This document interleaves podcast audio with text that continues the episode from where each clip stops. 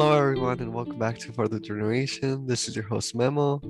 And Zaira. Today, we will be talking about immigration, specifically about DACA and the DREAM Act, as well as resources for undocumented students. Today, we will be joined by Dr. Claudia Sandoval, who is the assistant professor of political science, and she has a class on race, immigration, and Black Latinx relations. And we will also be joined by Leonardo Dominguez Ortega, who is a fellow First to Go student who also does research with Dr. Sandoval, and he is a psychology major. So, right now, we're going to go on a quick break, grab a snack, grab some water, and we'll be right back. Welcome back from our break. We are now joined by Dr. Sandoval and Leo. We are, not, we are now going to go into the interview. And Memo, if you want to ask the first question. Thank you, Zaira. Thank you, Dr. Sandoval. Thank you, Leo, for being here today. We're going to go straight into the first question. So, what is your preferred name, preferred pronouns, and your major minors or occupation? And what does being first gen mean to you, both Leo and Dr. Sandoval? I'll let Dr. Sandoval go first. Thank you, Memo. Thank you, Zaira. Uh, so, um, Claudia Sandoval. For professional reasons, I prefer to go either by Dr. Sandoval or Professor Sandoval. And there is a politicized reason why, uh, as a female of color uh, faculty member, it's really important that um, we, we make note of these things just because, you know, as, as you guys may all know, um, when we think of professionals, we're very cautious of calling white males by their professional titles.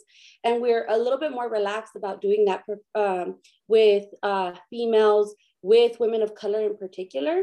And so, even though I always get along with my students, I'm always very casual with my students. I think it is really important that uh, we remember, you know, the professional titles that we sometimes give freely to white males um, and sometimes we're not really sure if they have those titles or not right? But we are very cautious of calling white males uh, doctor you know those those types of um, titles. Uh, that we don't necessarily do that for females. I always tend to be uh, to tell my students that I prefer to be called Doctor or prof- uh, Professor Sandoval, but not for um, any other reason, right? I'm very casual with my students. I'm very open with my students uh, all of the time.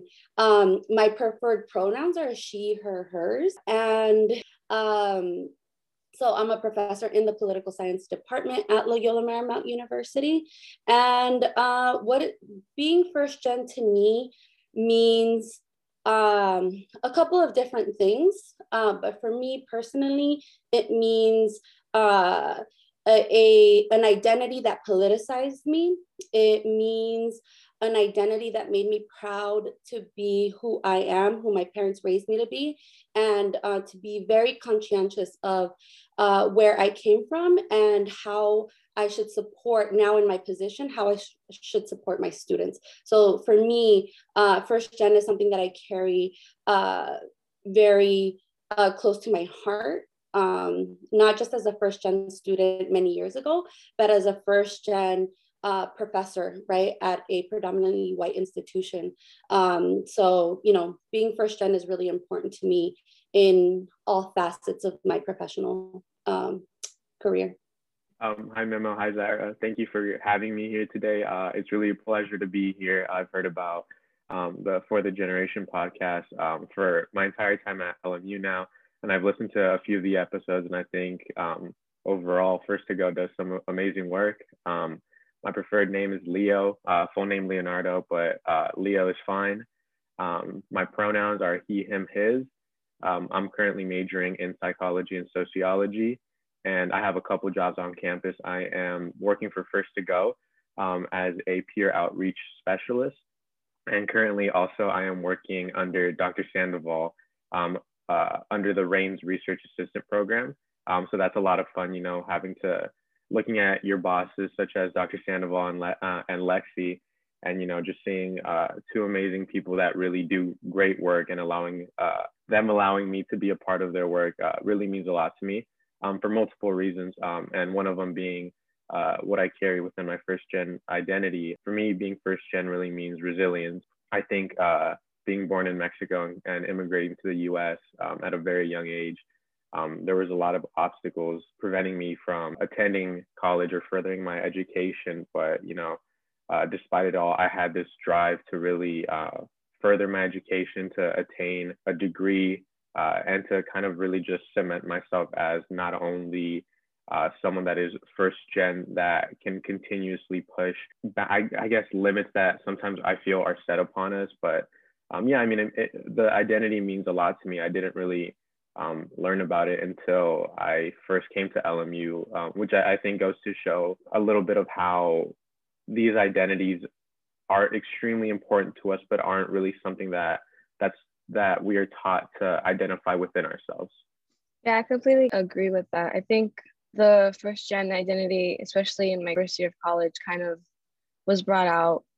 I didn't really know exactly like what first gen meant until I went to college. It was kind of like, oh, I'm a first like I'm the first person in my family, but I didn't know it was like such an important title to have. So I feel like being a part of the first gen community at LMU kind of put like me in a bubble where I was able to feel comfortable to like like I can do this, you know, like I can get through college and have the support that I have that I need. Uh, yeah, I just to add on really quickly, like to what you said, I think you bring up an amazing point. I mean, I remember coming into um, to LMU, I was really scared at first because um, I've had my sister and my cousins that are older than me attend four-year universities um, that are primarily white um, in Massachusetts, in Pennsylvania. Um, so I was really, I was honestly really, really scared. I mean, I go to a school here in Los Angeles that is extremely diverse, but the school itself isn't really diverse um, in multiple aspects, both uh, in terms of race slash ethnicity, um, how in terms of being first generation. So um, definitely I like to, to reiterate your point. I mean, th- there is like this, this sort of bubble within LMU that emphasizes the importance of first gen identity. And it really, it was the first place where I felt safe and comfortable at LMU. Yeah, that's like how I felt as like a freshman. I didn't have, um, I was the first person like my entire family to ever go to college.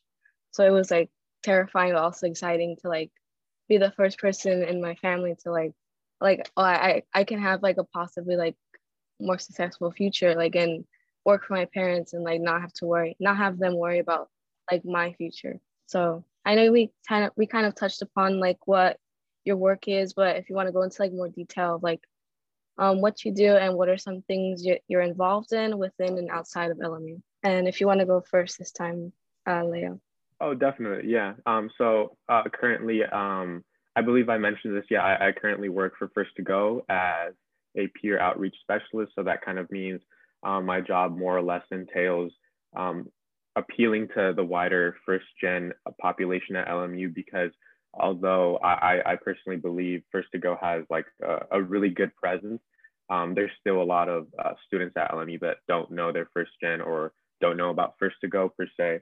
Um, so I guess my job more or less uh, tasks me with um, you know, pushing the the first to go brand a little bit um, further within LMU and expanding it as much as possible. It's it's a work that I find extremely fulfilling. Um, it's like I said, first go means a lot to me. Um, also, uh, as I said previously, I am currently working under Dr. Sandoval um, under the RAINS Assistant uh, Research Program. So she, I've, I've worked on a, a couple different projects with her um, from doing uh, things like uh, editing uh, a manuscript uh, in terms of citations.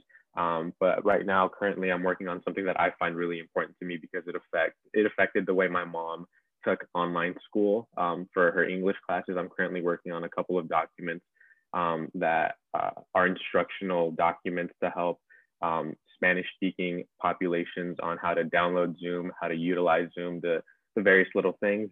Um, and then I'm also involved in the Nuestro lab within the psychology department, but currently this year I had to take it off because of just um, the, this year being so hectic, being uh, online and everything. But the Nuestro lab focuses on um, just different aspects of uh, being uh, Latino, Latinx um, uh, within uh, Los Angeles, more or less, and just the different aspects that that goes into um, within uh, a societal context, a psychological context, um, how that affects mental health and all that.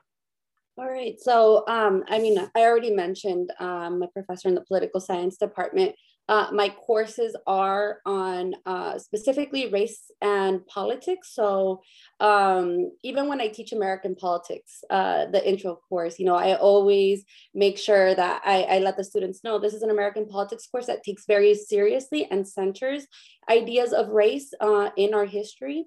Um, and it's, it's really interesting that, you know, you have to kind of make that your entry point for a political science class because race should be at the center of a conversation when it comes to politics and, and the history of American uh, government. But somehow, you know, that gets lost and it's it's almost innovative to say that, you know, I'm centering race uh, into the, the this particular class. But I always do um, because I think race gets lost in many important conversations uh, where race um, race and ethnicity, right? Conversations on race, race and ethnicity played a central role in, um, you know, our our institutions, the development of our um, of different policies, right? And so, um, yeah, I, I I always go into even a traditional intro to American politics course with a lens on race and politics. But you know, I also have my politics of immigration class that I teach every fall, uh, my Latino, Latina, Latinx politics class that I teach in the spring. And then this year, I started teaching um, the politics of race relations, which is much more focused on the work that I did uh, as a graduate student. Um, so I went to uh, the University of Chicago for my PhD. And there, you know, I wrote a dissertation on Black Latino relations and the way that citizenship narratives or the way we think about citizenship affects uh, the relationship that African Americans and Latinos have with each other. So traditionally, uh, when we think about race relations in particular, we think about resources, right? How do resources um, tell us something about the way different racial groups get along. So our, you know, conversations about are uh, immigrants taking away jobs from Americans, right? That's usually a, a type of question that we have um, when we're thinking about race, right? Uh, in terms of affirmative action, right? Are uh, minority groups taking away positions in institutions from uh, white students, right? And so uh, we tend to have conversations on race that are based on resources, uh, economic situations, right? Um, you know, thinking about uh, income disparities, which are all really important. But I uh, look at the way we think about who belongs in America, right? Just as our uh, collective imagination, what it means to belong to the United States, what it means to be an American citizen. Um, as something that uh, informs our understanding between African Americans and Latinos, right? And so, uh, in, even traditionally, when we think about who belongs in the United States, we're talking about a relationship between whites and African Americans, right? And having a conversation, uh, a historical conversation on the relationship between whites and African Americans, uh, or even whites and Latinos, right?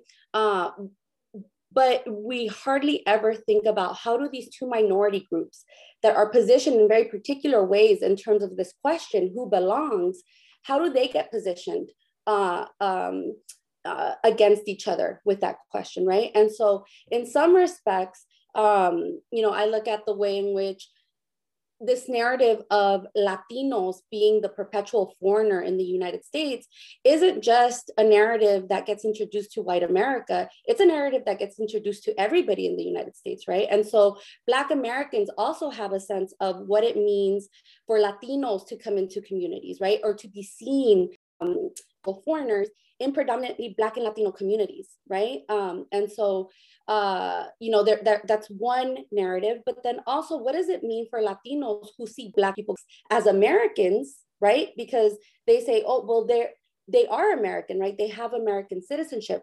That's not necessarily true either, right? We do know that there's Black immigrants, but it's not a very nuanced conversation. And so when you think about Latinos who see African Americans as citizens, but don't recognize the struggle and this um, this sense of second class citizenship, right, that gets uh, introduced into this narrative also uncomplicates uh, the ways Latinos see African Americans, right? And so that this question of who belongs um, or this lens of who belongs and thinking about it through Black Latino relations tells us something different about uh, race relations. And more importantly, uh, white racial projects, right? So Omi and Omi and Winant's understanding of racial projects, right? How we structure race and how people get categorized into a racial order.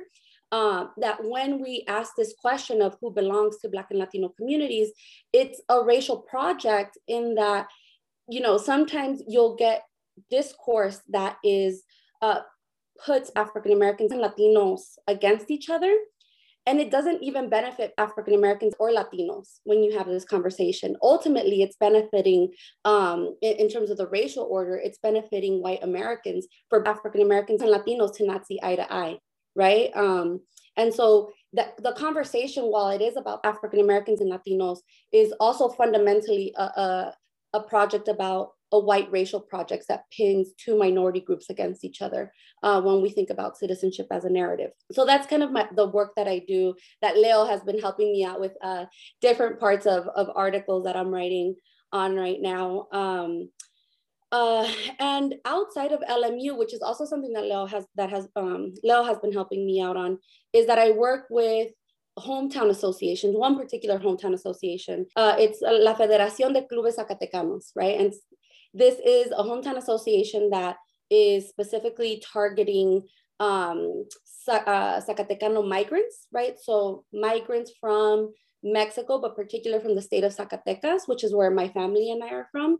And so I'm the uh, subsecretary of education for that federation. Um, and, you know, we're just trying to expand, you know, knowledge in terms of migrant rights uh, to the community. And even though it targets uh, migrants from Zacatecas, they do a lot of different uh, events that really do affect the community. And they're, they're in East LA, right? So the community really benefits from a lot of the programs that the Federation does. So just a few of the things that I do.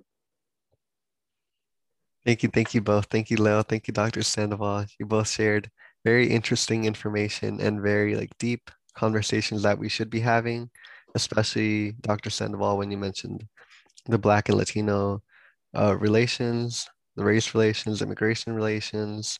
And I think one thing that I want to point out is also like an important part of this conversation is also intersectionality, in which Afro Latinos, Afro Latine people are also part of the conversation, not just as a bridge to these conversations, but also like at the forefront of these conversations. And also, thank you, Leo, for talking about First to Go.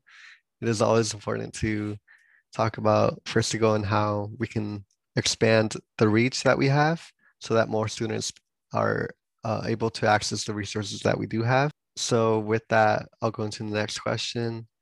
Why are you both invested in this work? And when things get difficult, what keeps you motivated to keep advocating when it comes to these topics of immigration, race relations, and everything in between? So I'll let Dr. Sandoval go first. All right. So why am I invested in this work? Uh, I think, like Leo, you know, I was born in Mexico. Um, I was undocumented for um, a good part of my childhood. Um, I actually didn't become a U.S. citizen until the very first day of uh, college, right? So I actually missed my first day of college to go uh, to the naturalization ceremony. Um, and you know, and interestingly, I did not want to become a citizen. I spent years fighting my parents, telling them I did not want to become an American citizen, right? Like I, I, I wanted to stay a, Mexican citizen, and eventually they told me I could keep both. So I was like, all right, fine, um, I'll do it.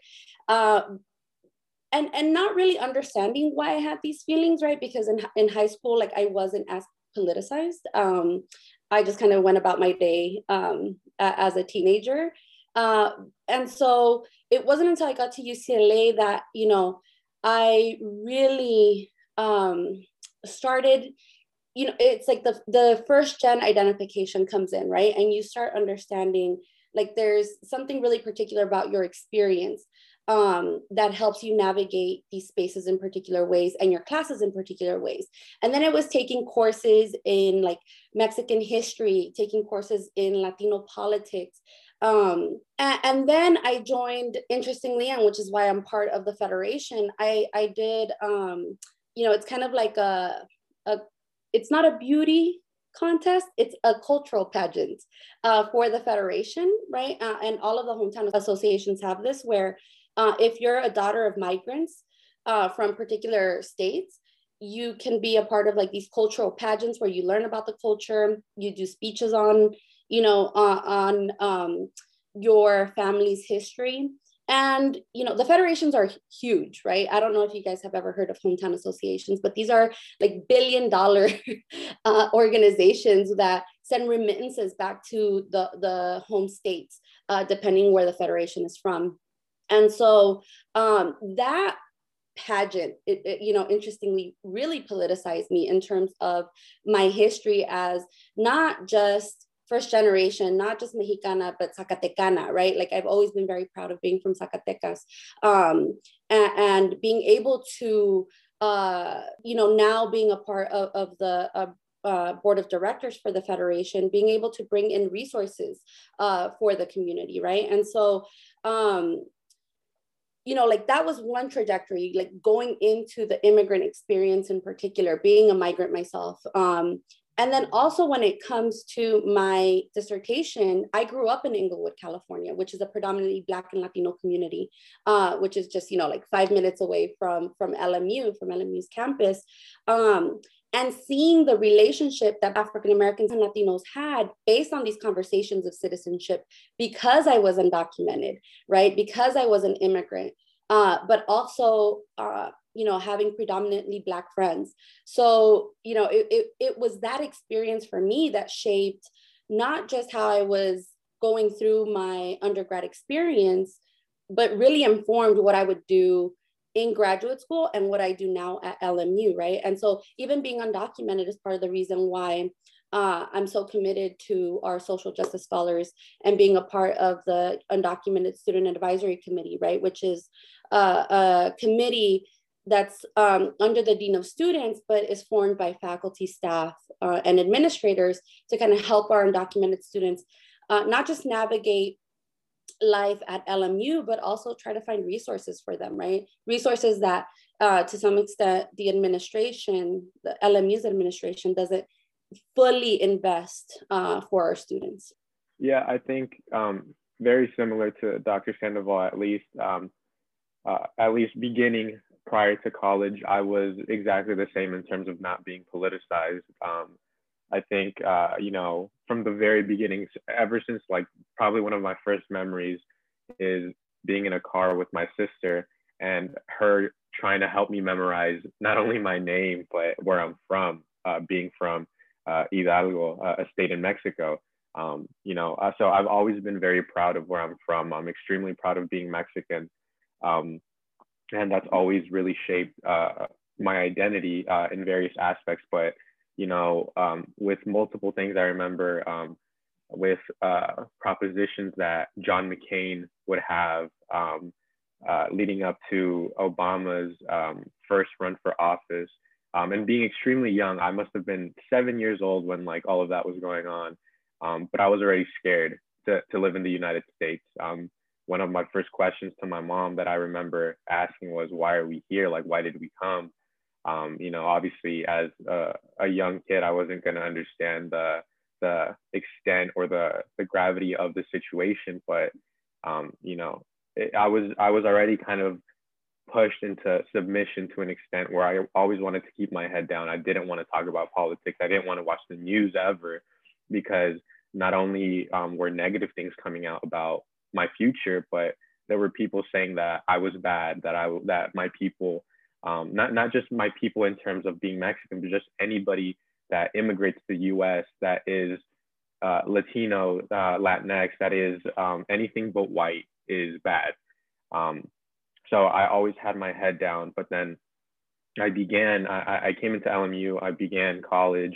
Um, I joined First to Go. I began reading books by Angela Davis, by Noam Chomsky, by Herbert Marcuse, and um, I kind of just started to to realize that there's more power within me than there is within the other people trying to put me down, and that is the reason that they try to put um, people like me down. Um, so the the reason I do what I do with such I, I like to describe it as passion is because um, I, do see this uh, sort of responsibility where what I do will reflect upon the communities I represent, um, the Mexican community, the uh, undocumented immigrant community, um, the Latinx community, uh, and so on and so forth, the first gen community, everything. Um, and it's, it's a responsibility that I assume with a lot of, um, with a lot of uh, gratitude, with a lot of pride. Um, so everything I do, I try to do it um, kind of to, to, to better my community as much as I can. I know that, you know, I can't fix all the issues that, that plague our world, but I know that if I'm doing my part, that's, that's the most I can ask for myself. And that's definitely what I want to be doing.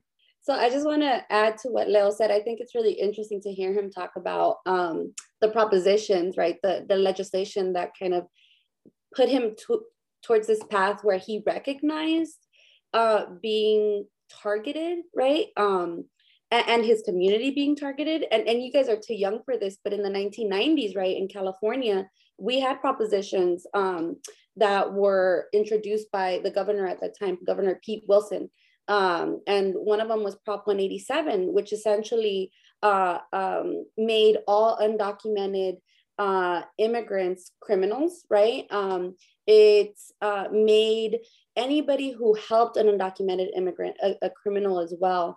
Uh, so if you were a teacher, you weren't allowed to uh, serve undocumented students. If you were a doctor, you weren't allowed to treat an undocumented patient. Um, and it was exactly the same feelings that Leo had for me uh, in the 1990s. And I was, I want to say, you know, I don't know, in, in my early, like I was 10, 11 at the time and feeling the exact same way, right? Where I was like, wow, they really hate us. Uh, and why does Pete Wilson? And I remember thinking like Pete Wilson is an evil person, right? In my young mind, like he's an evil person, like he's just targeting us. I don't understand it. I remember walking to school thinking about this, right? And not understanding the political nature of it, just just feeling like, why do they hate us so much, right? And and again, this is Inglewood, predominantly black, predominantly Latino. I had never really seen too many white people. So I was like, it's it's all of us. Like, how could they hate all of us? right. Um, but but really, you know, in retrospect, and, and once I started taking my political science courses, really going back to that mindset and understanding um, the the systemic nature of what was going on in the 1990s uh, in California and, and seeing it extend nationally uh, is what's interesting to me, right? Because at the time that Leo comes in, we're talking about a nat- like national legislation, whereas for Pete Wilson, it was very much California uh, um, that was going through through these kind of discussions on immigration um, and the targeting of of undocumented immigrants at the time. So uh, just something, you know, it's interesting to share that uh, same kind of experience in very different uh, times, but but the same experience. Uh, yeah, just to just continue off of that really quickly. Um, I, I mean, I, I think it, it, goes to show. I, I remember um, at least with the few white friends that I had prior to um, coming to LMU, because I have grown up my entire life either in Koreatown or in Mid City in Los Angeles, which are um, predominantly heavily Latino. Koreatown is also uh, predominantly Asian. So, you know, I didn't have a lot of white friends. I didn't know many white people in general until I came to college. Um, but for a lot of the people that you know weren't Latino, at least, and because in terms of um, current uh, narratives on immigration, that usually rests upon Latinos. That's when you think of immigrants, that's the first thing that pops into people's minds nowadays, at least. Um, so at least with Donald Trump and his first infamous speech about going down when he was going down the escalator talking about Mexicans uh, being rapists, uh, bringing crime and drugs and all that. I, I feel like to a lot of people that was surprising because you know that's not something they heard, but at least to me it wasn't. I mean, that's not something that was too off the mark in terms of uh, coming from conservative politicians. Um, you know, my entire life, um, I think our community has been, even obviously prior to, to me being born, the community has been targeted for a long time. Um, there's been a, a, lot of racism against immigrants, uh, Mexican immigrants, uh, Latinx immigrants, everything um, even going back to, to legal immigration back in the Bracero program and everything. I mean, it, none, none of this is is new necessarily, but I guess it's it's becoming new to, towards the larger narrative in American politics. So I think it, it's good that it's a conversation now, but it, it's by no means something that um, different communities haven't been battling with in the past. Yeah, I completely agree with this. Um, I think even myself, like I kind of grew up without, um, like kind of like what you said, like I was putting my head down and kind of ignoring um, what's on the news until like I kind of came to college and I was kind of I had to like de- deal with it and like face it head on.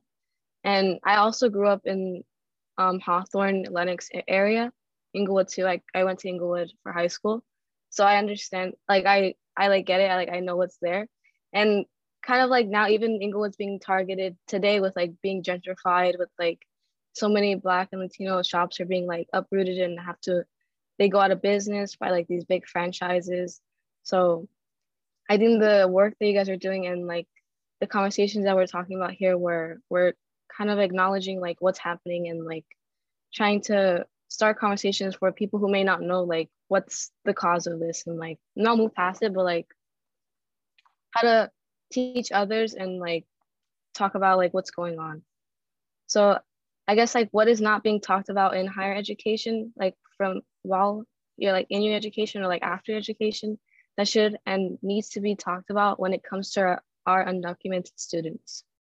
Um, yeah, I mean, I think you're you're asking a, a great question, uh, Zaira. I mean, there's it, it's such a broad question. and There's so many issues. I think you know, obviously, I don't have all the answers. I don't think anybody does, but uh, I think comparing my experience to um, like per se my cousin's experiences or my sister's experience in college, like my sister would often uh, call my mom like crying because she would feel so alone because there was no community there, not only just um, Latinx, undocumented. It, it, was like her college is 99% white.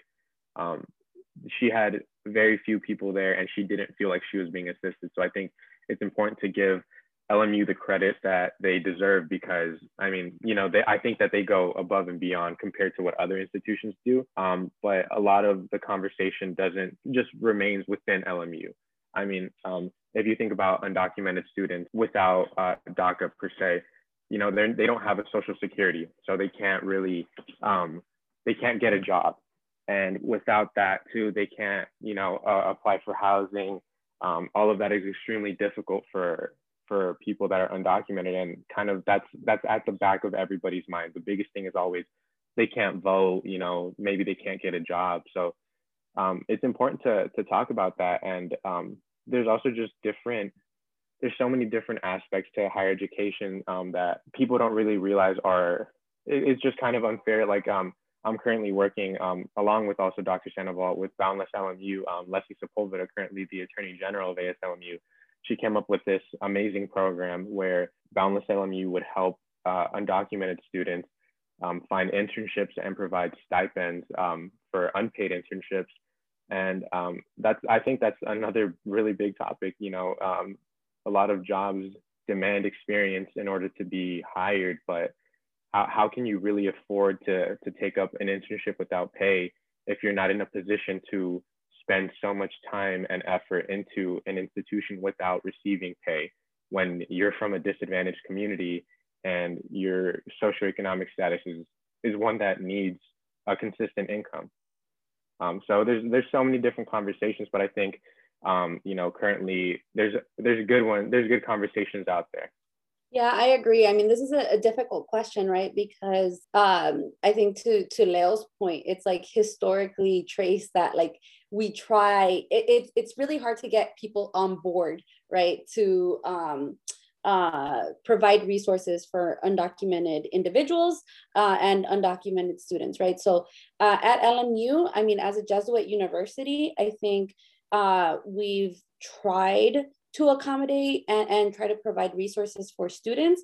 But also as a Jesuit university, we've been failing recently, right? Like we don't have a dream center. We don't have a, a, a, um, a resource that is institutionalized in the university, right? To help with the many different ways that we could be helping our undocumented students. And so uh, to some extent, um, faculty, staff, individual administrators are left to kind of work with students individually and try to figure things out, right? And so as Leo mentioned, you know, we're we're working. It's um, I think it's seven or eight of us uh, that started Boundless LMU with Leslie Sepulveda's uh, idea, right? And, and me as kind of like a faculty mentor for this program um, that are trying to you know provide one resource that isn't available anywhere else on campus right and so uh, they've the students identified something that they need um, they came to me. I try to provide as many resources as i can but even as a faculty member that sometimes um, you know it's limited because i'm not an administrator right? Uh, and so there's there's so many things that we can still do for our students. Um, i think at this point it's just that it's it's not centered it's not there's not one place where we can talk about the different resources. We have to go to individual folks who offer individual um, resources and then you know different people keep uh, uh doing the same job over and over again right? When we could just institutionalize it uh, at lmu in particular right? So um, i think for higher education if every uh, university could have a, a dream center, that would be great. But I think just work like focusing on LMU, if we if we could get a dream center as a Jesuit institution that is, you know, invested in um, in these social justice issues, right? Uh, this is something that we should continue to kind of push forward, and we should be at the forefront uh, of providing resources for our undocumented students. Thank you both, Leo and Dr. Sandoval. And just like a quick question in case like the audience doesn't know, um, could you like elaborate what a dream center is? So I think a dream center is different uh, at various institutions, but it, it would be a center that is um, that fundamentally runs to help undocumented students in the various various facets uh, of um, university life, right? So it could be anything from economic resources, emotional resources, um, creating community for our undocumented students. Um, uh, and, and providing those resources. But I think the important thing here is providing a a, a, a, centered location where people know where to go if they are undocumented and have questions or you know maybe you know we, we talk about undocumented students as if that's the only population. I mean there's various populations that fall under you know the needs of a dream center. It would be documented students which we'll get into uh, in a bit. There's the undocumented students but then there's also the mixed family uh, mixed status family students right? And these are students who may themselves not be undocumented but have a parent or a sibling or everybody else in their family is undocumented right? And that's that brings in a lot of emotional uh, and, and and mental struggles as well. So a, a, dream center would take care of all of the facets of um, the needs that undocumented students have. Thank you so much for elaborating on that. Um, i feel like we really do need a dream center at lmu now that you've kind of fleshed out what it is all about. And also like big shout out to Boundless LMU and Leslie Sepulveda for what they are doing. Thank you so much for sharing that information. I hope that the audience can also um, earn from hearing this information, but also like spread the information to other people who might need it, especially our undocumented students. So I also want to like touch upon the fact that community is our biggest resource. And you both kind of touched upon that because different people that you know might have resources that as an institution LMU is lacking in. And I totally agree that we need to institutionalize those resources so that it, it has a broader scope of access to students that need it. So without further ado, we're going to go on a quick break grab a snack, grab some water, and we'll be right back.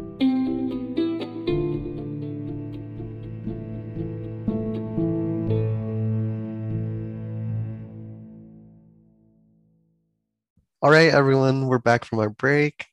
We all grabbed some water, we got hydrated, we're ready to push through the second half of the interview. So without further ado, I'll go ahead and ask the first question. What is DACA and what does it stand for? And what does DACA do? And I'll let Leo go first.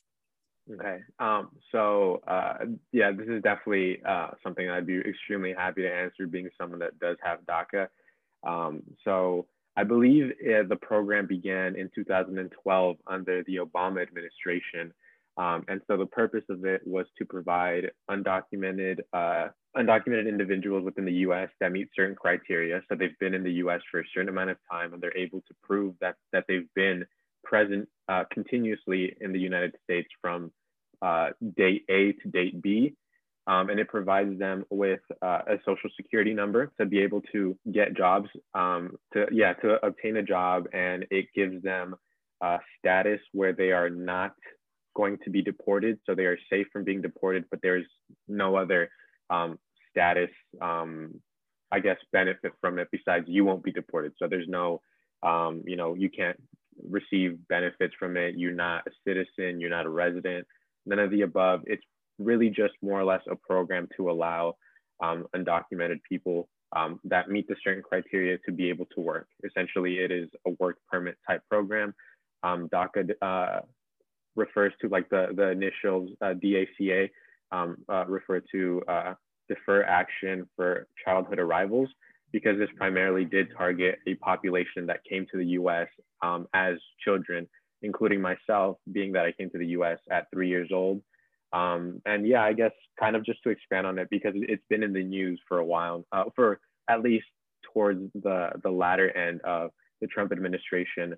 Um, so he tried to gut uh, the program that Obama began. Um, so essentially meaning that people that had this protection against deportation and a permit to work, uh, he wanted to remove it for, I, I want to say hundreds of thousands.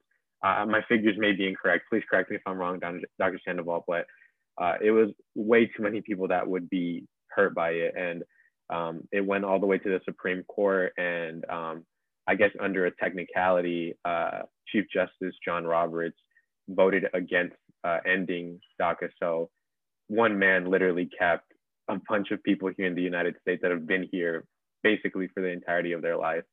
Um, and yeah, uh, thankfully now it's been restored to a two-year program. So every two years, um, your your DACA expires, and you need to reapply for I, I want to say around five hundred sixty-five dollars, which is a lot of money for for for people that are in this position. Um, so yeah, for for a, a, little bit, it was a one year renewal, which would have been practically impossible um, to really obtain because of the time that it takes to process all the documents.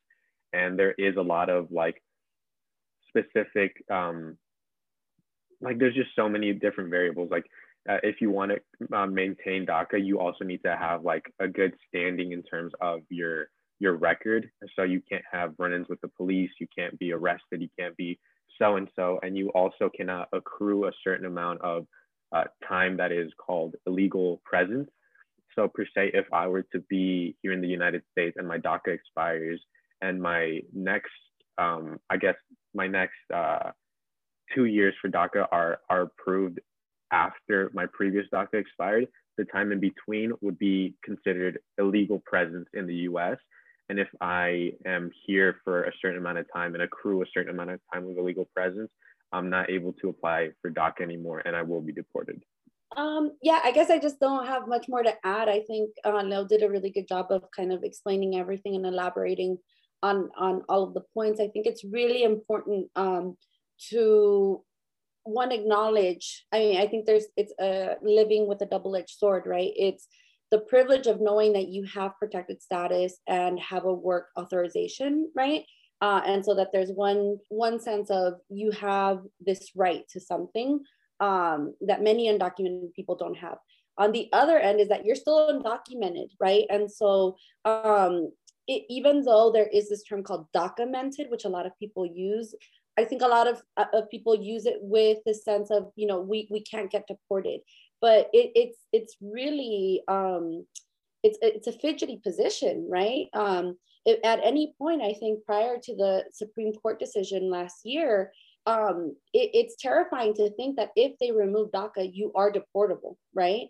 Uh, and so being documented offers protections and some privileges. And I, I use the word privilege lightly here, right? Um, but there are some things that you can do with with uh, being documented but at the end of the day folks are still undocumented and and if if daca were to ever be um, rescinded or completely gutted right um, these folks, hundreds of thousands, close to a million uh, individuals, would be uh, eligible for deportation and would no longer be allowed to work in the United States, at least not with a, um, uh, a social security number, right? With an actual work authorization. I think the way Dr. Sandoval said she uses privilege lightly, I think that's a perfect way to, to really describe it. I mean, um, compared to the rest of my community, um, by and by community I mean the entire undocumented community or the mixed status community. Um, you know, this is a privilege where you know I feel safe to, uh, you know, just to walk around. Uh, you know, like I can probably like get away with jaywalking or whatever, like, um, or um, just the fact that I can get a job, and which will help me, you know, go to college um, because I think I was eligible to to receive DACA when I was 16, and that was extremely extremely exciting for me because that meant I can get a job and I can begin working towards um, you know lowering college expenses ahead of time. Um, it, but at the same time, it, it is like sitting in limbo, especially um, last summer. It was an extremely difficult period. Um, particularly waiting for the decision to come out. I remember um, in November when it was like uh, I believe I, I, don't remember the specific term, but I think it was like the briefing or like um, the initial arguments for the Supreme Court. It did not look good at all. It, I basically had already like you know waved the white flag. I had called for defeat, um, and so the next seven or eight months were horrible. It was just living in anxiety. And during the summer, it was going to sleep extremely late on like Wednesdays or Mondays, I believe, because the next day the the decision would come out really early, and I didn't want to be awake when the decision was announced. Um, so it's it's it's it was a very difficult period. Um, you know, there's a lot of good things that come out of it, but it's by no means a perfect system. For example, I had to I had to miss um, my first day of uh, second semester of my freshman year to go to um, the biometrics, uh, to go to complete the biometrics portion, which means I have to go get my uh, fingerprints taken and all that. And these government uh, institutions aren't open on the weekends. Um, and if you need to go, you need to go from like 6 a.m. and line up, and there's a huge line. Um, it, it's by no means it, it by no means is easy, and it's kind of exemplary of bureaucratic institutions and how you know you are kind of treated as your number. Like you, you, your number really does identify you, and you know it, it's it's nice to have certain, I guess, safety nets in terms of being able to work and being able to not fear deportation, but it's like a very small shield protecting you from the outside world. Yeah, and I'll also add um, that one of the important things about DACA is that there is no pathway to citizenship, right? So if you have DACA, it, it you are protected for a you know as long as DACA is in place. So Leo could go, you know, continue on for years and years and years being documented. Um, but because there's no pathway to citizenship through that program, um, it, it's all dependent on the program surviving in and of itself, right? Um, there's no, you know, once you've been DACA for a few, like however many years, then you're on this next line. Uh, and even, you know, talking about pathway to citizenship as a line, um, is really uh, inappropriate because getting citizenship, right? And, and that's a much longer and extensive conversation is not about like getting on a line, right? Or in a line. Um, but just, you know, just to clarify, uh, it's, there's no pathway to citizenship with, with um, a DACA status. Thank you for sharing that, um, Leo. I, I can't even imagine like, like the feeling of being in that limbo, like not sure of like what's happening like when you said the the I forgot what the term was it, but you said it was like a legal time or something like that between like like that's I feel like that should be like fixed. Like there's so much uncertainty and like fear that comes with like not knowing like well between this time and this time is my DACA application being approved and then what if it's not approved? And then you're like oh wait well i've been here illegally for this amount of time already. So like what am i doing? Like what am i supposed to do? So i think that that should be fixed in and of itself. And the fact that there's no like pathway to like help you to like become a citizen is like also like concerning. Um but i think that um these conversations and like even like me like learning and like even memo learning about this and like the podcast bringing light to it is like um very informational for people who may not know about the struggles and like the people with DACA and like the DREAM Act go through. So to kind of like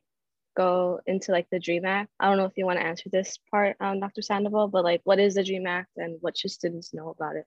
All right. So the DREAM Act, unlike DACA, is a pathway to citizenship. Uh, or does offer a pathway to citizenship. Okay, uh, so it's the Development, Relief, and Education for Alien Minors Act, and this is a uh, this is legislation that has been in conversation since the early 2000s, right? And has never achieved full support from either the House or the Senate.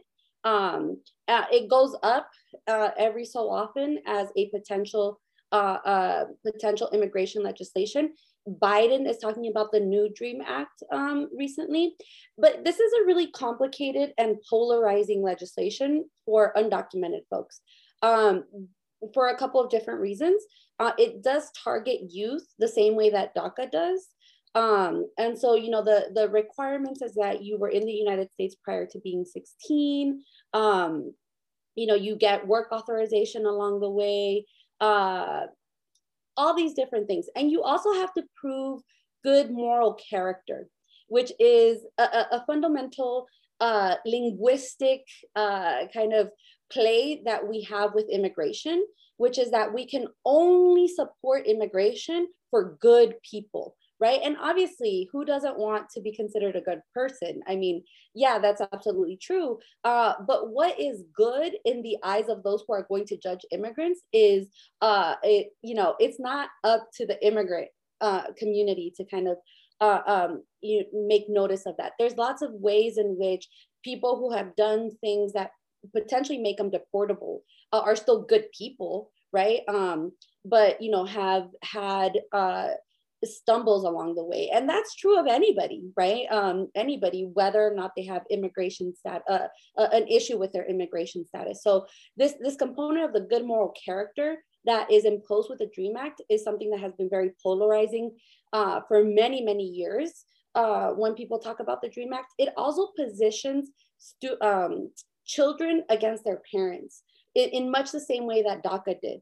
Um, it positions, you know, students as being uh, or, or the youth as being immigrants who had no idea that they were going to cross a border, right, without legal permission. But the parents did, and the parents don't deserve anything. And the parent, you know, like, and and and then you kind of have this dual conversation where, yeah, it, it would be great to have a Dream Act. We're going to have all these youth uh, potentially go into a pathway to citizenship, but then that comes with uh, um, a, a conversation that essentially pits children against their parents, right? Because the parents won't have a pathway to citizenship.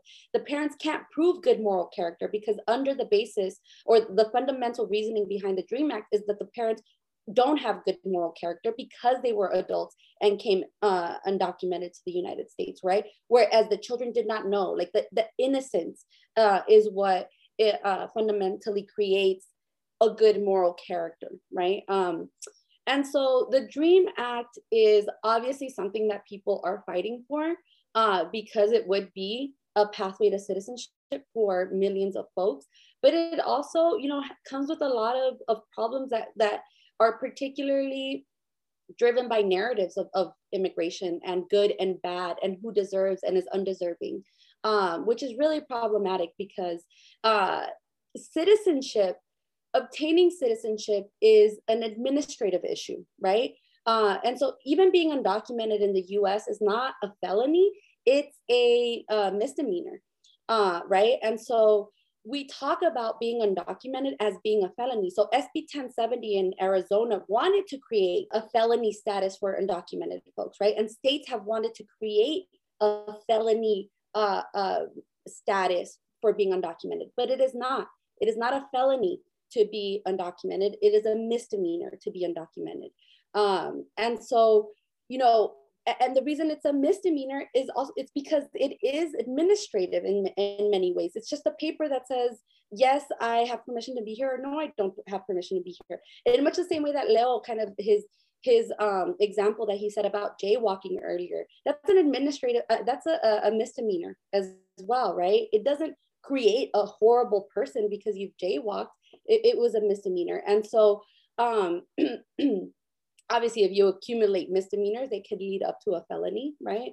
Um, but and, and also there could be ways in which you come into the us that that act itself is a felony right? Uh, but not necessarily being undocumented in the us is a felony. So those are two different ways to kind of think about it um, but again, it's it's administrative, and so you know before the Homeland, um, the Department of Homeland Security was established in the early 2000s with the Bush administration. We had the Immigration and Naturalization Services, which was run under the Department of Justice, and even prior to that was under the Bureau of um, of Agriculture, I believe.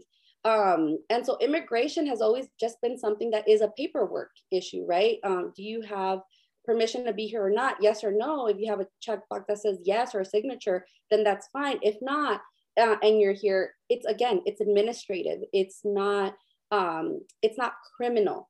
And so that is why we have immigration court and criminal court. They're two different types of courts. But again, the way we talk about these things muddles uh, crime with immigration in such a way that it almost makes it seem like we know that being undocumented makes you a bad person because we've conflated these two types of, of narratives, right? And so I think that's why my work is always so fundamentally uh, based on narratives because narratives, how we talk about things, almost gives us information that we don't know is true or not, right? But it sounds like it's right because we've talked about it in such a way for such a long time that it makes it true just using these terms. So even something like an illegal alien, well, you know, and, and people will say, what's so hard to understand about illegal alien, right? If you're illegal, it's a crime. If it, it's illegal, it's a felony. Well, that's that's just linguistics, uh, you know, playing its tricks on folks, right? Um, it's it, that's not the way it works. People aren't aliens. People aren't can't be illegal not just because it's unnatural, but grammatically is incorrect, right? And so um, I, think it's really important to kind of uh, think about, you know, how immigration, uh, how we how we talk about immigration uh, becomes an important thing. I think I lost my train of thought, like where I started uh, uh, talking about this. But you know, the Dream Act does does play into you know the narratives and and who we um, talk about as being deserving of uh, going into the process for citizenship. Thank you, Dr. Sandoval. I think you touched upon various topics and narratives that are seen throughout the media, seen throughout legislation, administration, everything in between. And it really is frustrating, like even hearing about it right now about the Dream Act and the DACA, like it is so hard and it like it's in a balance that like you get one thing wrong and you're automatically like set off balance and even like the criminalization of Im- immigrants like even that is something that we should talk about even more. It is talked about, but like not, I don't feel like it's talked enough. And I don't think it ever will be talked enough about because there's so much like intricacies with that conversation. And also like the Dream Act where you bring up like the parents are like seen as the villain of the narrative is kind of like going back to the general argument of within immigration that people are being being like broken up broken up like breaking up families is what i'm basically trying to say like yes physically breaking up families but also psychologically economically like physically like every type of breaking up a family within like even DACA and the Dream Act. So without further ado, I'll go into the next question. We could talk about immigration all day, but the next question is what in this larger struggle of immigration justice are we missing? For example, like immigration narratives largely sidelined, or they silence the mass deportation of Black identifying immigrants, such as like Haitian immigrants, Afro Latina immigrants, even like from the continent of Africa, immigrants from there as well. So I'll let Dr. Sandoval answer first. Yeah, this is a, a, a really it's a great question. It's a complicated question. It has a lot of facets to it, like different components to it, right? I think, um, you know, where to start. One of the things that I think is really important to understand about immigration justice is that it's not a conversation about Trump, right? It's not even a, co- a conversation about Republicans, really. Um, our the immigration system that we are in now really starts with the Clinton administration in the 1990s, right? And so uh, prior to Clinton's uh, Illegal Immigration Reform and Immigration Responsibility Act, which we call IRA IRA, uh, just to shorten it, um, in, in 1996, that immigration legislation really establishes the type of immigration system that we have now, right? It creates deportable offenses, meaning that jaywalking makes you uh, eligible for deportation, right? Um, getting traffic tickets makes you eligible for deportation. That wasn't necessarily the case prior to IRA IRA in the 1990s. It created stronger uh, uh, working verification. So what we, a, a lot of people don't know about this, about E-Verify, which is a system that corporations or companies, right, that hire uh, individuals are subjected to. And some states, um, this, this is um, not federally imposed just yet, but people do want to impose it, which is that anybody who hires anybody would have to do e-verify. And that means that, you know, when you get a job, you turn in a social security number, um, and then you get an I-9, right? So that you can apply for this job. Uh, many jobs, as long as you have a number, right? they'll say, okay, that's a social security number, and they they hire you, and you're fine. Uh, and that's how many undocumented workers use these fake uh, social security numbers or use other people's social security numbers. Um, E-Verify is a system that would make sure that a number that gets placed into the job verification process um, is a, a true social security number, and that is one that is attached to you. Um, I won't get into the complicated nature of e-verify, right? But uh, all of these different ways of kind of creating a much difficult life for undocumented immigrants in the United States started with the Clinton administration, right? But but even just then, talking about immigration extends well beyond um, you know, our timeline in the 1990s, 1980s, and 1930s, we have the Great Repatriation, right, in the United States that uh, right before World War II, when we're kind of we're, we're, going through this moment of scarcity of resources, food, uh, uh, jobs, you know, what have you, the United States government just decides the, the ones who are responsible for this scarcity are Mexican uh, individuals in the United States. And the reason I'm very um, clear about saying Mexican individuals is that they it didn't matter whether they had citizenship or not, right? So the Great Repatriation was a moment in which hundreds of thousands of Mexicans, uh, American citizens, and undocumented and documented uh, Mexican uh, nationals were deported back to Mexico.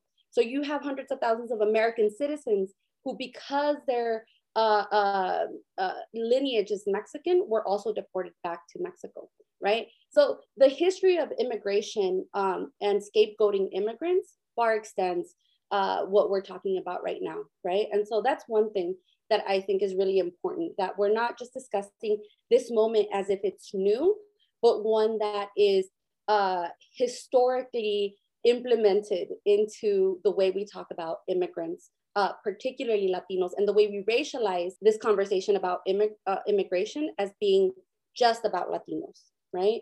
I think as you mentioned in the question, right, um, we th- there's undocumented immigrants is not a racial category, right? Anybody could be undocumented. You have white undocumented immigrants, you have black undocumented immigrants, Asian undocumented immigrants, and actually the largest proportion, the largest group of immigrants in immigration detention centers are Haitian immigrants. And so, you know, but that gets obscured in the narrative. So there's a lot, immigration is a really complicated issue, right? And, we, as a society, through media, through political discourses, through um, politicians, we really kind of watered down the conversation to either mean Mexican, Central American, the um, US Mexican border.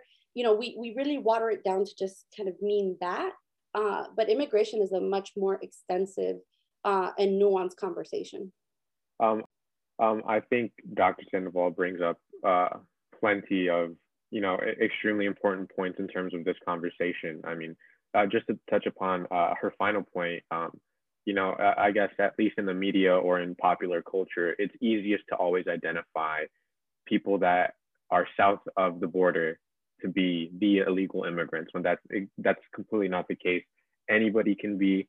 I mean, I think um, going to show I, it goes to show like the, the fact that there's been mass deportations even under the Biden administration now, and you know Haitians are you know disproportionately being affected by this um, it goes to show that this is a struggle that is much larger than just one nationality or a group of nationalities.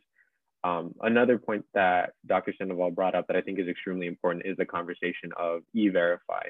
Um, just really quickly, because you know, uh, as uh, Dr. Sandoval said, this is an extremely complicated uh, topic, and I know that for a fact. I don't know everything about it, but um, you know, I am someone that wants illegal immigration to stop because I don't want people to have to live in this type of way. People shouldn't have to um, risk their lives or the lives of their children just to find a better place to live.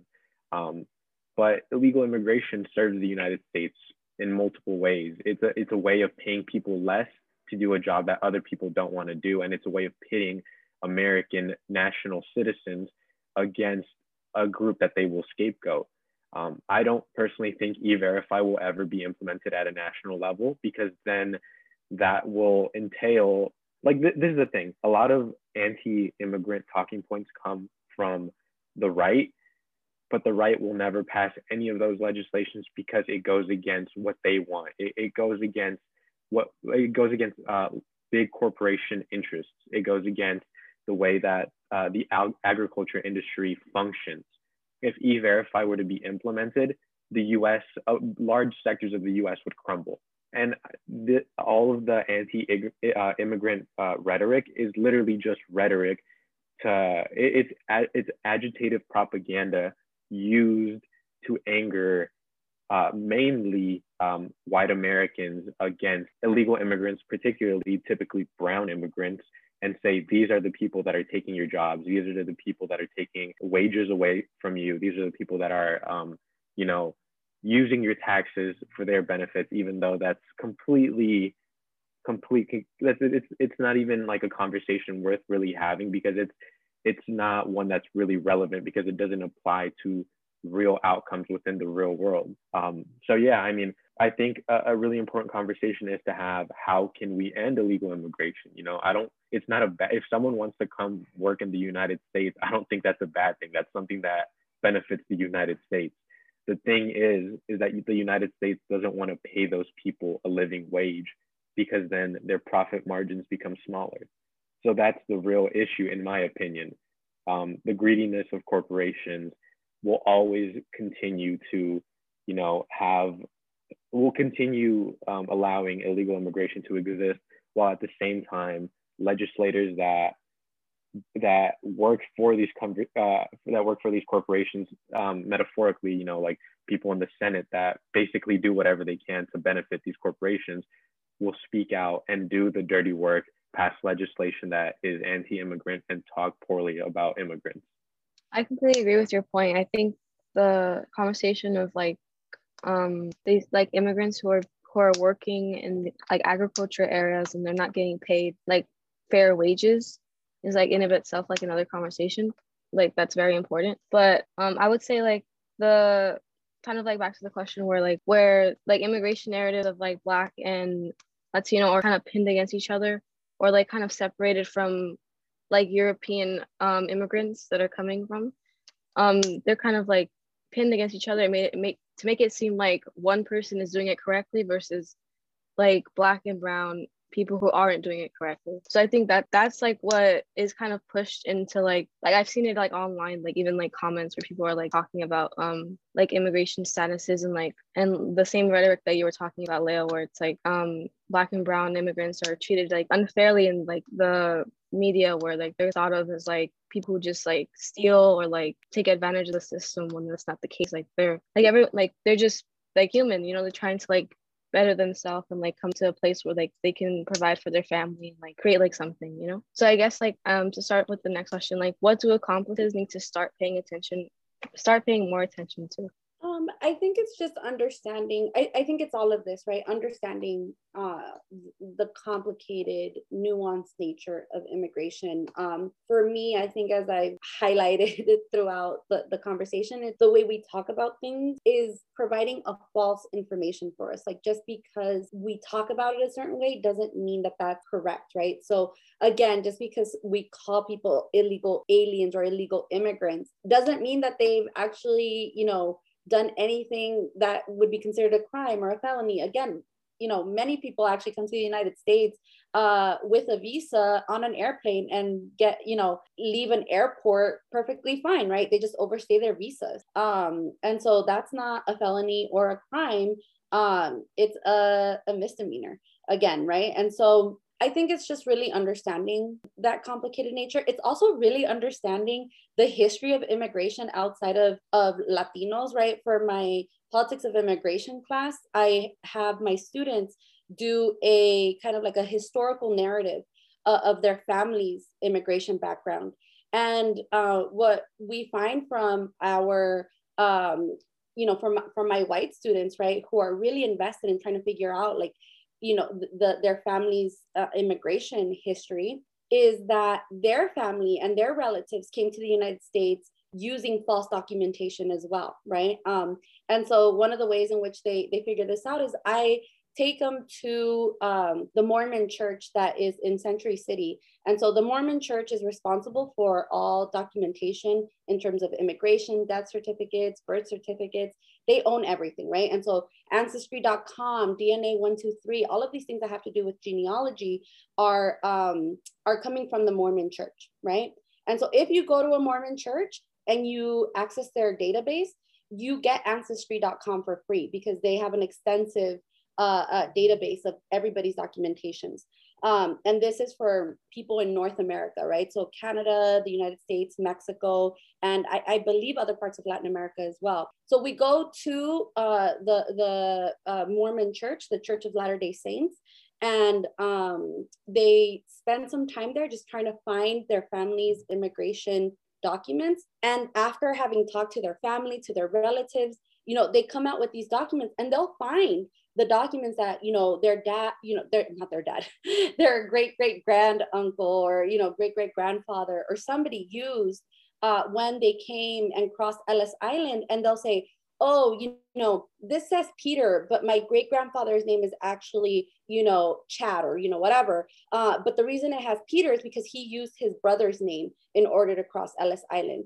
And and you know we say nothing about that but that's exactly how people were crossing uh, or coming into the United States historically when we're talking about doing it the right way. Again, administrative issues, paperwork. People have been fidgeting with their paperwork for many, many years. And that's what uh, immigration is about even to this day. And so I think it's, again, understanding the ways in which what we're talking about right now isn't new, but the way we think about it is uh, uh, uh you know, fundamentally different and it's targeting particular folks for political reasons, right? Um, I think to Leo's point, you know, yeah, the, the right is never going to establish an e-verify system. They're never going to establish a real immigration uh, legislation that would actually target undocumented immigrants in ways that would not make undocumented immigrants want to come, right? They would never do that because it doesn't benefit them, right? If you implement e-verify, it's the, the person who is creating a criminal act or who's doing something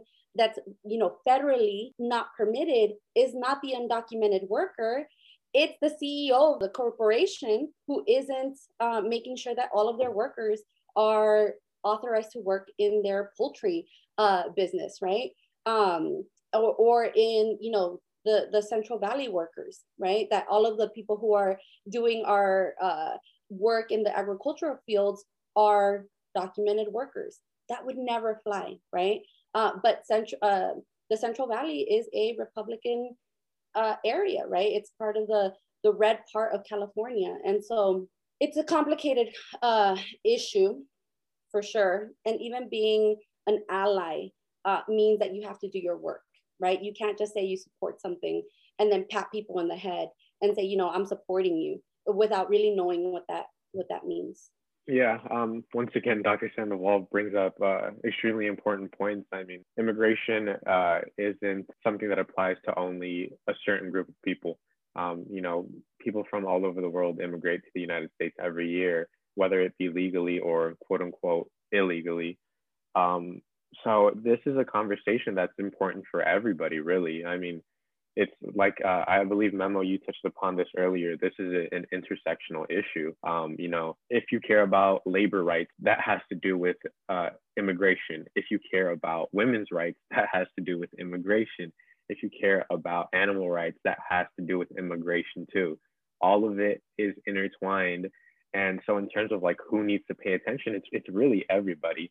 Um, it's just whether people want to put in the time to realize that they actually have a stake in something, which is unfortunate that people need to have a stake in something to really care about it. But, you know, I mean, I'm not going to blame them um, if they decide to pay attention. Um, I, I, also want to point out that I think that within our own community, um, with the Latina, Latinx um, uh, community, we have a lot of racism that goes against each other. There's a lot of classism as well.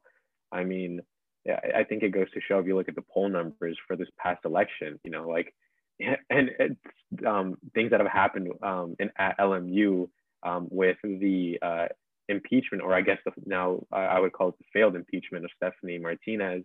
Um, yeah, I mean, it, there's so much hatred within each other, even like within my own family, not not against at least uh, uh, illegal immigrants, but th- this whole idea of or not at least like sorry, not against um, Latina, Latino, uh, Latina illegal immigrants, but you know I've had cousins that have said like why should we care about like you know uh, like what's going on uh, against black people with uh, issues against the police? Like that's their problem as if you can't be Latina or Latinx and black. That completely eliminates so many different um, populations that you know have their own valid experiences. Um, so like even within ourselves like there's a lot we need to fix but also you know any sort of uh, allyship with other groups is extremely important. Um, i think this goes back to like a bunch of different civil rights movements where you know the, the establishment wants to pit groups against each other because they know that together they will be able to overthrow the establishment. Um, you know this applies to like different um, revolutionary movements during the civil rights movement. You know, it's easier to pit groups against each other than to actually fight them face on. Um, so it, it, it's extremely important to recognize that different movements put together, uh, aiding each other, not only do they have a stake within each other's movement, but together um, a lot more can be accomplished. Thank you, Leo and Dr. Sandoval. I completely agree with everything you both just talked about. And I feel like the biggest thing that I got out of both of you was that people need to become more informed, both both like historically about the history of immigration, but also like current policies, current um administration moves that are going on right now. And just like a quick like train of thought that I kind of jumped onto. There's always like this sort of rhetoric or narrative of like people saying that immigrants should go back to the country and like the whole like conversation about like why are they coming over here? Well there's also like a thing of like these countries are labeled as quote unquote underdeveloped but they're not underdeveloped. The issue is that they're overexploited by the united states and other countries as well. So it's more of like they are in that situation of having to come to this country because america has played around and like infiltrated into their countries to like make it so that they do have to come over here to better their life. You want to add something to that, Leo? Yeah, definitely. I mean, you, you bring up an amazing point. America doesn't want to uh, deal with the consequences of its own imperialism.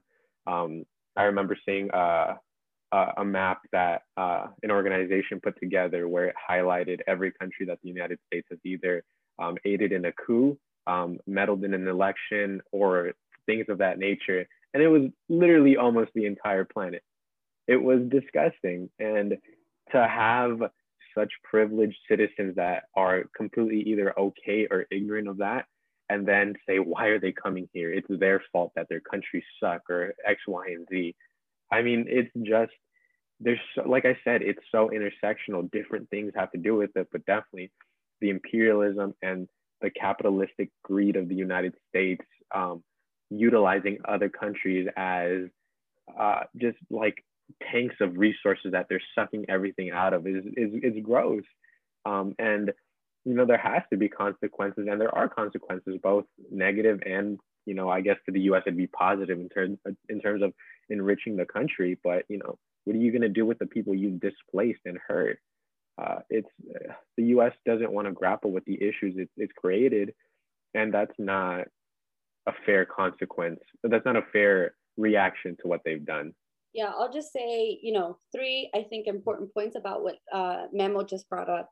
Uh, the first is that a third of the United States used to be Mexico, right? So, uh, 1848, we have the Treaty of Guadalupe Hidalgo, which gives a good chunk of Mexico to the United States.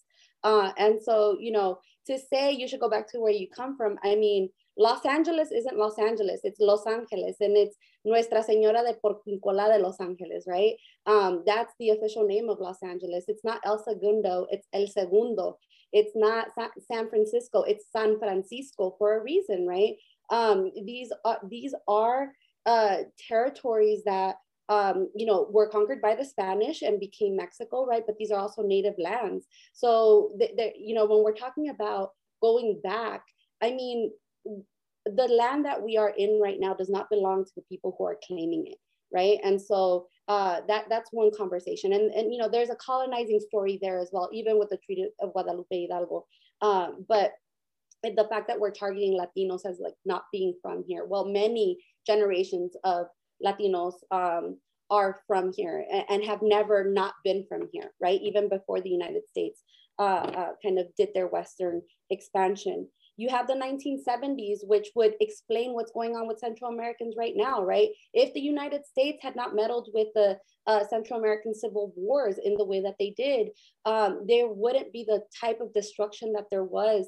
I mean, and that's a whole historical analysis where, you know, people spend their entire lives just understanding the role that the United States played in the uh, Salvadoran uh, civil wars, the Nicaragua civil wars, right, in Guatemala. Um, and so that the immigration trajectory of Salvadorans, Nicaraguans, uh, Guatemalans, Hondurans coming to the United States right now is not independent of the way in which the United States in the 1970s really um, destroyed, you know, the the the structure of those countries at the time. Uh, and then, you know, to, to even suggest that many or most of the immigrants that are here came because they wanted to be here and wanted to stay here and wanted to be separated from their families for the rest of their lives is one that is really decontextualized, right? When people come to the United States, if they could go back, they probably would, right? Uh, and this is why a conversation about open borders is so politicized because people like to romanticize this idea that people just want to be in the United States because it's such a great nation. Most people come because they have to, right? But they would really prefer to go back if they could, right? And so uh, when people come to the United States and they immigrate here and they've, you know, not only paid thousands of dollars, but risk their lives to cross the border, they're going to stay here for the rest of their lives. And they're they're essentially stuck here, right? And there's this really great song by um, uh, Los Tigres del Norte, right? That's called La Jaula de Oro. Uh, and what that means is um, a, a, a golden bird cage right? Um and no matter how we no matter how we think of the bird cage even if it's golden right it's made out of gold it's still a, a cell not a bird cage a cell right? Like a gel cell. Um just because the gel cell is made out of gold doesn't make it not a gel cell right? And so that's what the united states is for a lot of uh, of undocumented folks right? It's it's a, a, paradise for many but once you're stuck here it's also a gel cell. You can't go out. Like you can't do anything uh, once you're here. And so i think you know uh, again understanding those trajectories is really important. Thank you both dr sandoval and leo. We could talk about this all day because there's so much intricacies within all of these trajectories that you just mentioned, Dr. Sandoval. But moving forward, we're going to go ahead and ask the last question that we have. What are some resources that LMU has for undocumented students? And if we could talk talk more about um, Boundless LMU, that would be great. And I'll let Leo go first. Um, yeah, I mean, I think that's a great question. Uh, uh, you know, I, I earlier um, in the conversation, I kind of uh, sang the praises of LMU, saying that it's so far ahead of other uh, college or uh, university type institutions, which is completely accurate, but it doesn't necessarily mean that, um, you know, it, it's in a good place now. You know, it, it's nowhere to be satisfied with what, what's going on, um, you know, and it, it's been said over and over that these students of different documentation statuses are so disadvantaged in, in, in various different aspects of, of life. It's, it's, it's truly something that kind of, it, it's really disheartening to, to see all these different factors that come together to kind of really create these like metaphorical, but also in a, in a, in a like funny type of way, funny in like a dark funny type of way. These borders that separate them from their goals. Um, it, I mean, I, am proud to say that you know I'm I'm at LMU through a scholarship that specifically targets um, undocumented or a mixed status students. Um, but other than that, like it's really just been people like Dr. Sandoval, Dr. Cecilia. Um, uh, they're individuals that are really just taking so much time out of their day to help us and institutionally it's not really there i mean that's why i i hope um well i i really do believe boundless lmu will um, come into fruition hopefully next semester um, but yeah Boundless lmu being able to help mixed status students find internships and also give them money for that invaluable experience is so important i mean in terms of like specifically targeted uh, resources at LMU, there aren't too many, but I think a really useful one that isn't targeted specifically would be um, student psychological services. There's so many amazing people there. Um, I've had the privilege of working closely with a couple of them um, through First to Go, and SPS is by far one of my favorite um, I guess, uh, areas of LMU. I mean, it, it helps you so much. Um, as someone that's had to deal with stuff like immigration policy sitting at the desk of the Supreme Court um, with stuff that's happened with um, uh, Stephanie Martinez and her impeachment, all of that, um, with uh, the judicial board, um, you know, uh, uh, employing sanctions against her that ended up not even being enforceable through the interpretation of the current administration. You know, it's like people getting away with things scotch free, but at least having a place to feel safe and talk about all of it is extremely important. But I, I think LMU has a long way to go, and it's good that they're in the lead, I believe, um, in terms of other institutions. But it's no, it, it's definitely not the time to, to feel satisfied or complacent with what LMU has. Yeah, I guess I'll just say um, to hype up Boundless LMU, right? And uh, some of the resources that we're trying to bring um, over the summer, last summer, you know, we had the CARES Act, which gave students uh, money, right? Federal money um, in the way that like so many families were given as support for uh, what was going on with the pandemic. But again, our undocumented student population would not be able to um, collect on the CARES Act, right? And so uh, we had um, uh, folks from ASLMU, students, uh, and faculty kind of come together and get funds from various locations. We had a GoFundMe account um, that people could donate so that we could give some money to students who would not be able to um, collect on the CARES Act. Uh, and in much the same way, Boundless LMU is trying to uh, create a resource where everybody else benefits, right? All other students could go to CPD and say, hey, um, you know, I have an internship, a, a, a, an unpaid internship. Can I apply for the $2,500 that you guys give for unpaid internships, right? And then you get paid for this unpaid internship. Well, we don't have any resources like that for students, right? Uh, for undocumented students, I mean.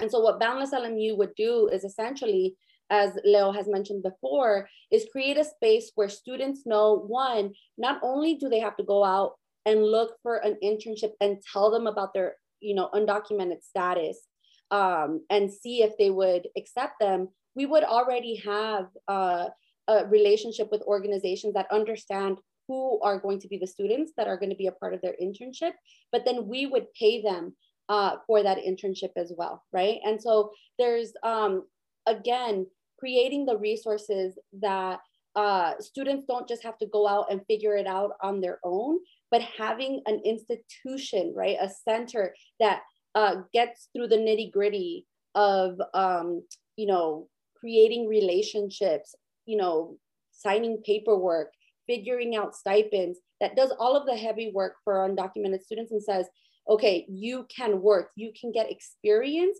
just like all of your other classmates, right? Um, and, and that you could put that on your CV just like everybody on, else on campus.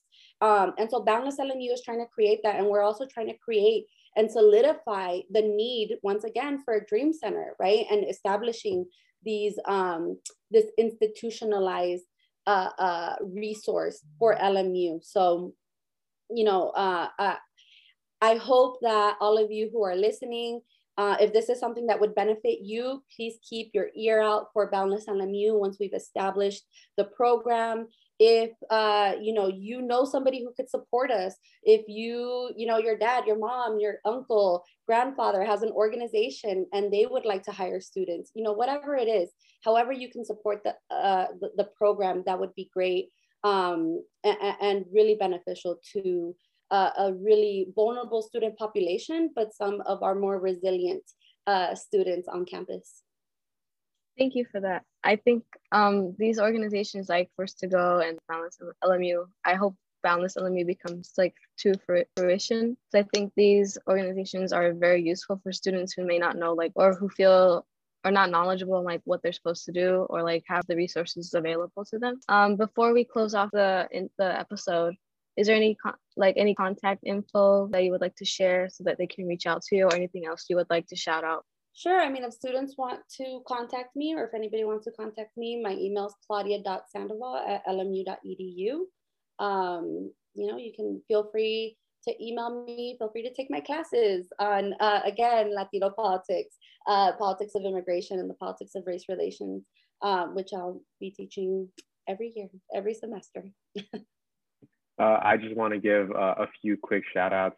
First of all, uh, first one goes to Dr. Sandoval because she is an amazing person, both in terms of the work she does and just as an individual. Um, a quick shout out to Dr. Cecilia for all she does for undocumented students on campus.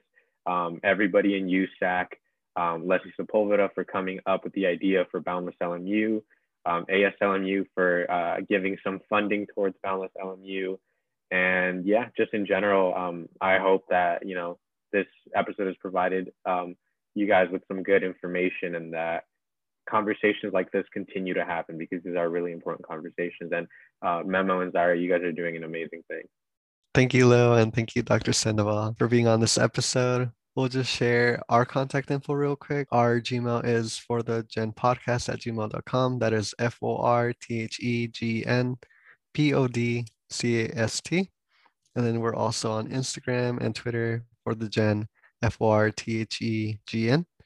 And you can find our podcast on Spotify, Apple Podcasts, Google Podcasts, and other platforms.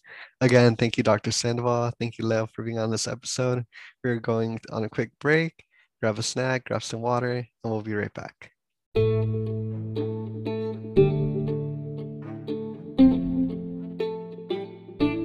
Welcome back. We are back from our break.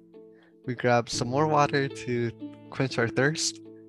So, just to recap, we highly recommend that everyone listening to the podcast supports Boundless LMU so that undocumented students can get a job, get an internship, and also get paid for it.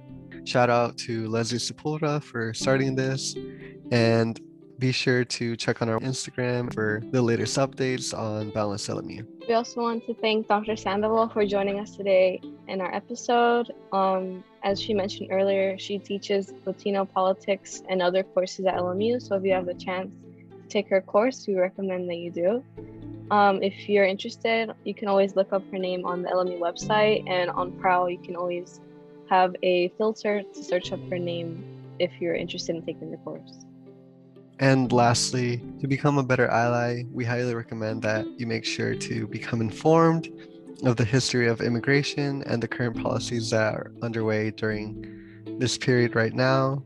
under the Biden administration to better understand the intricacies of what we've discussed so far and to broaden the conversation to a broader scope. So, with that, we want to thank Dr. Sandoval. We want to thank Leo. Thank you, Zaira. And we'll be back on another episode. Stay tuned. Goodbye.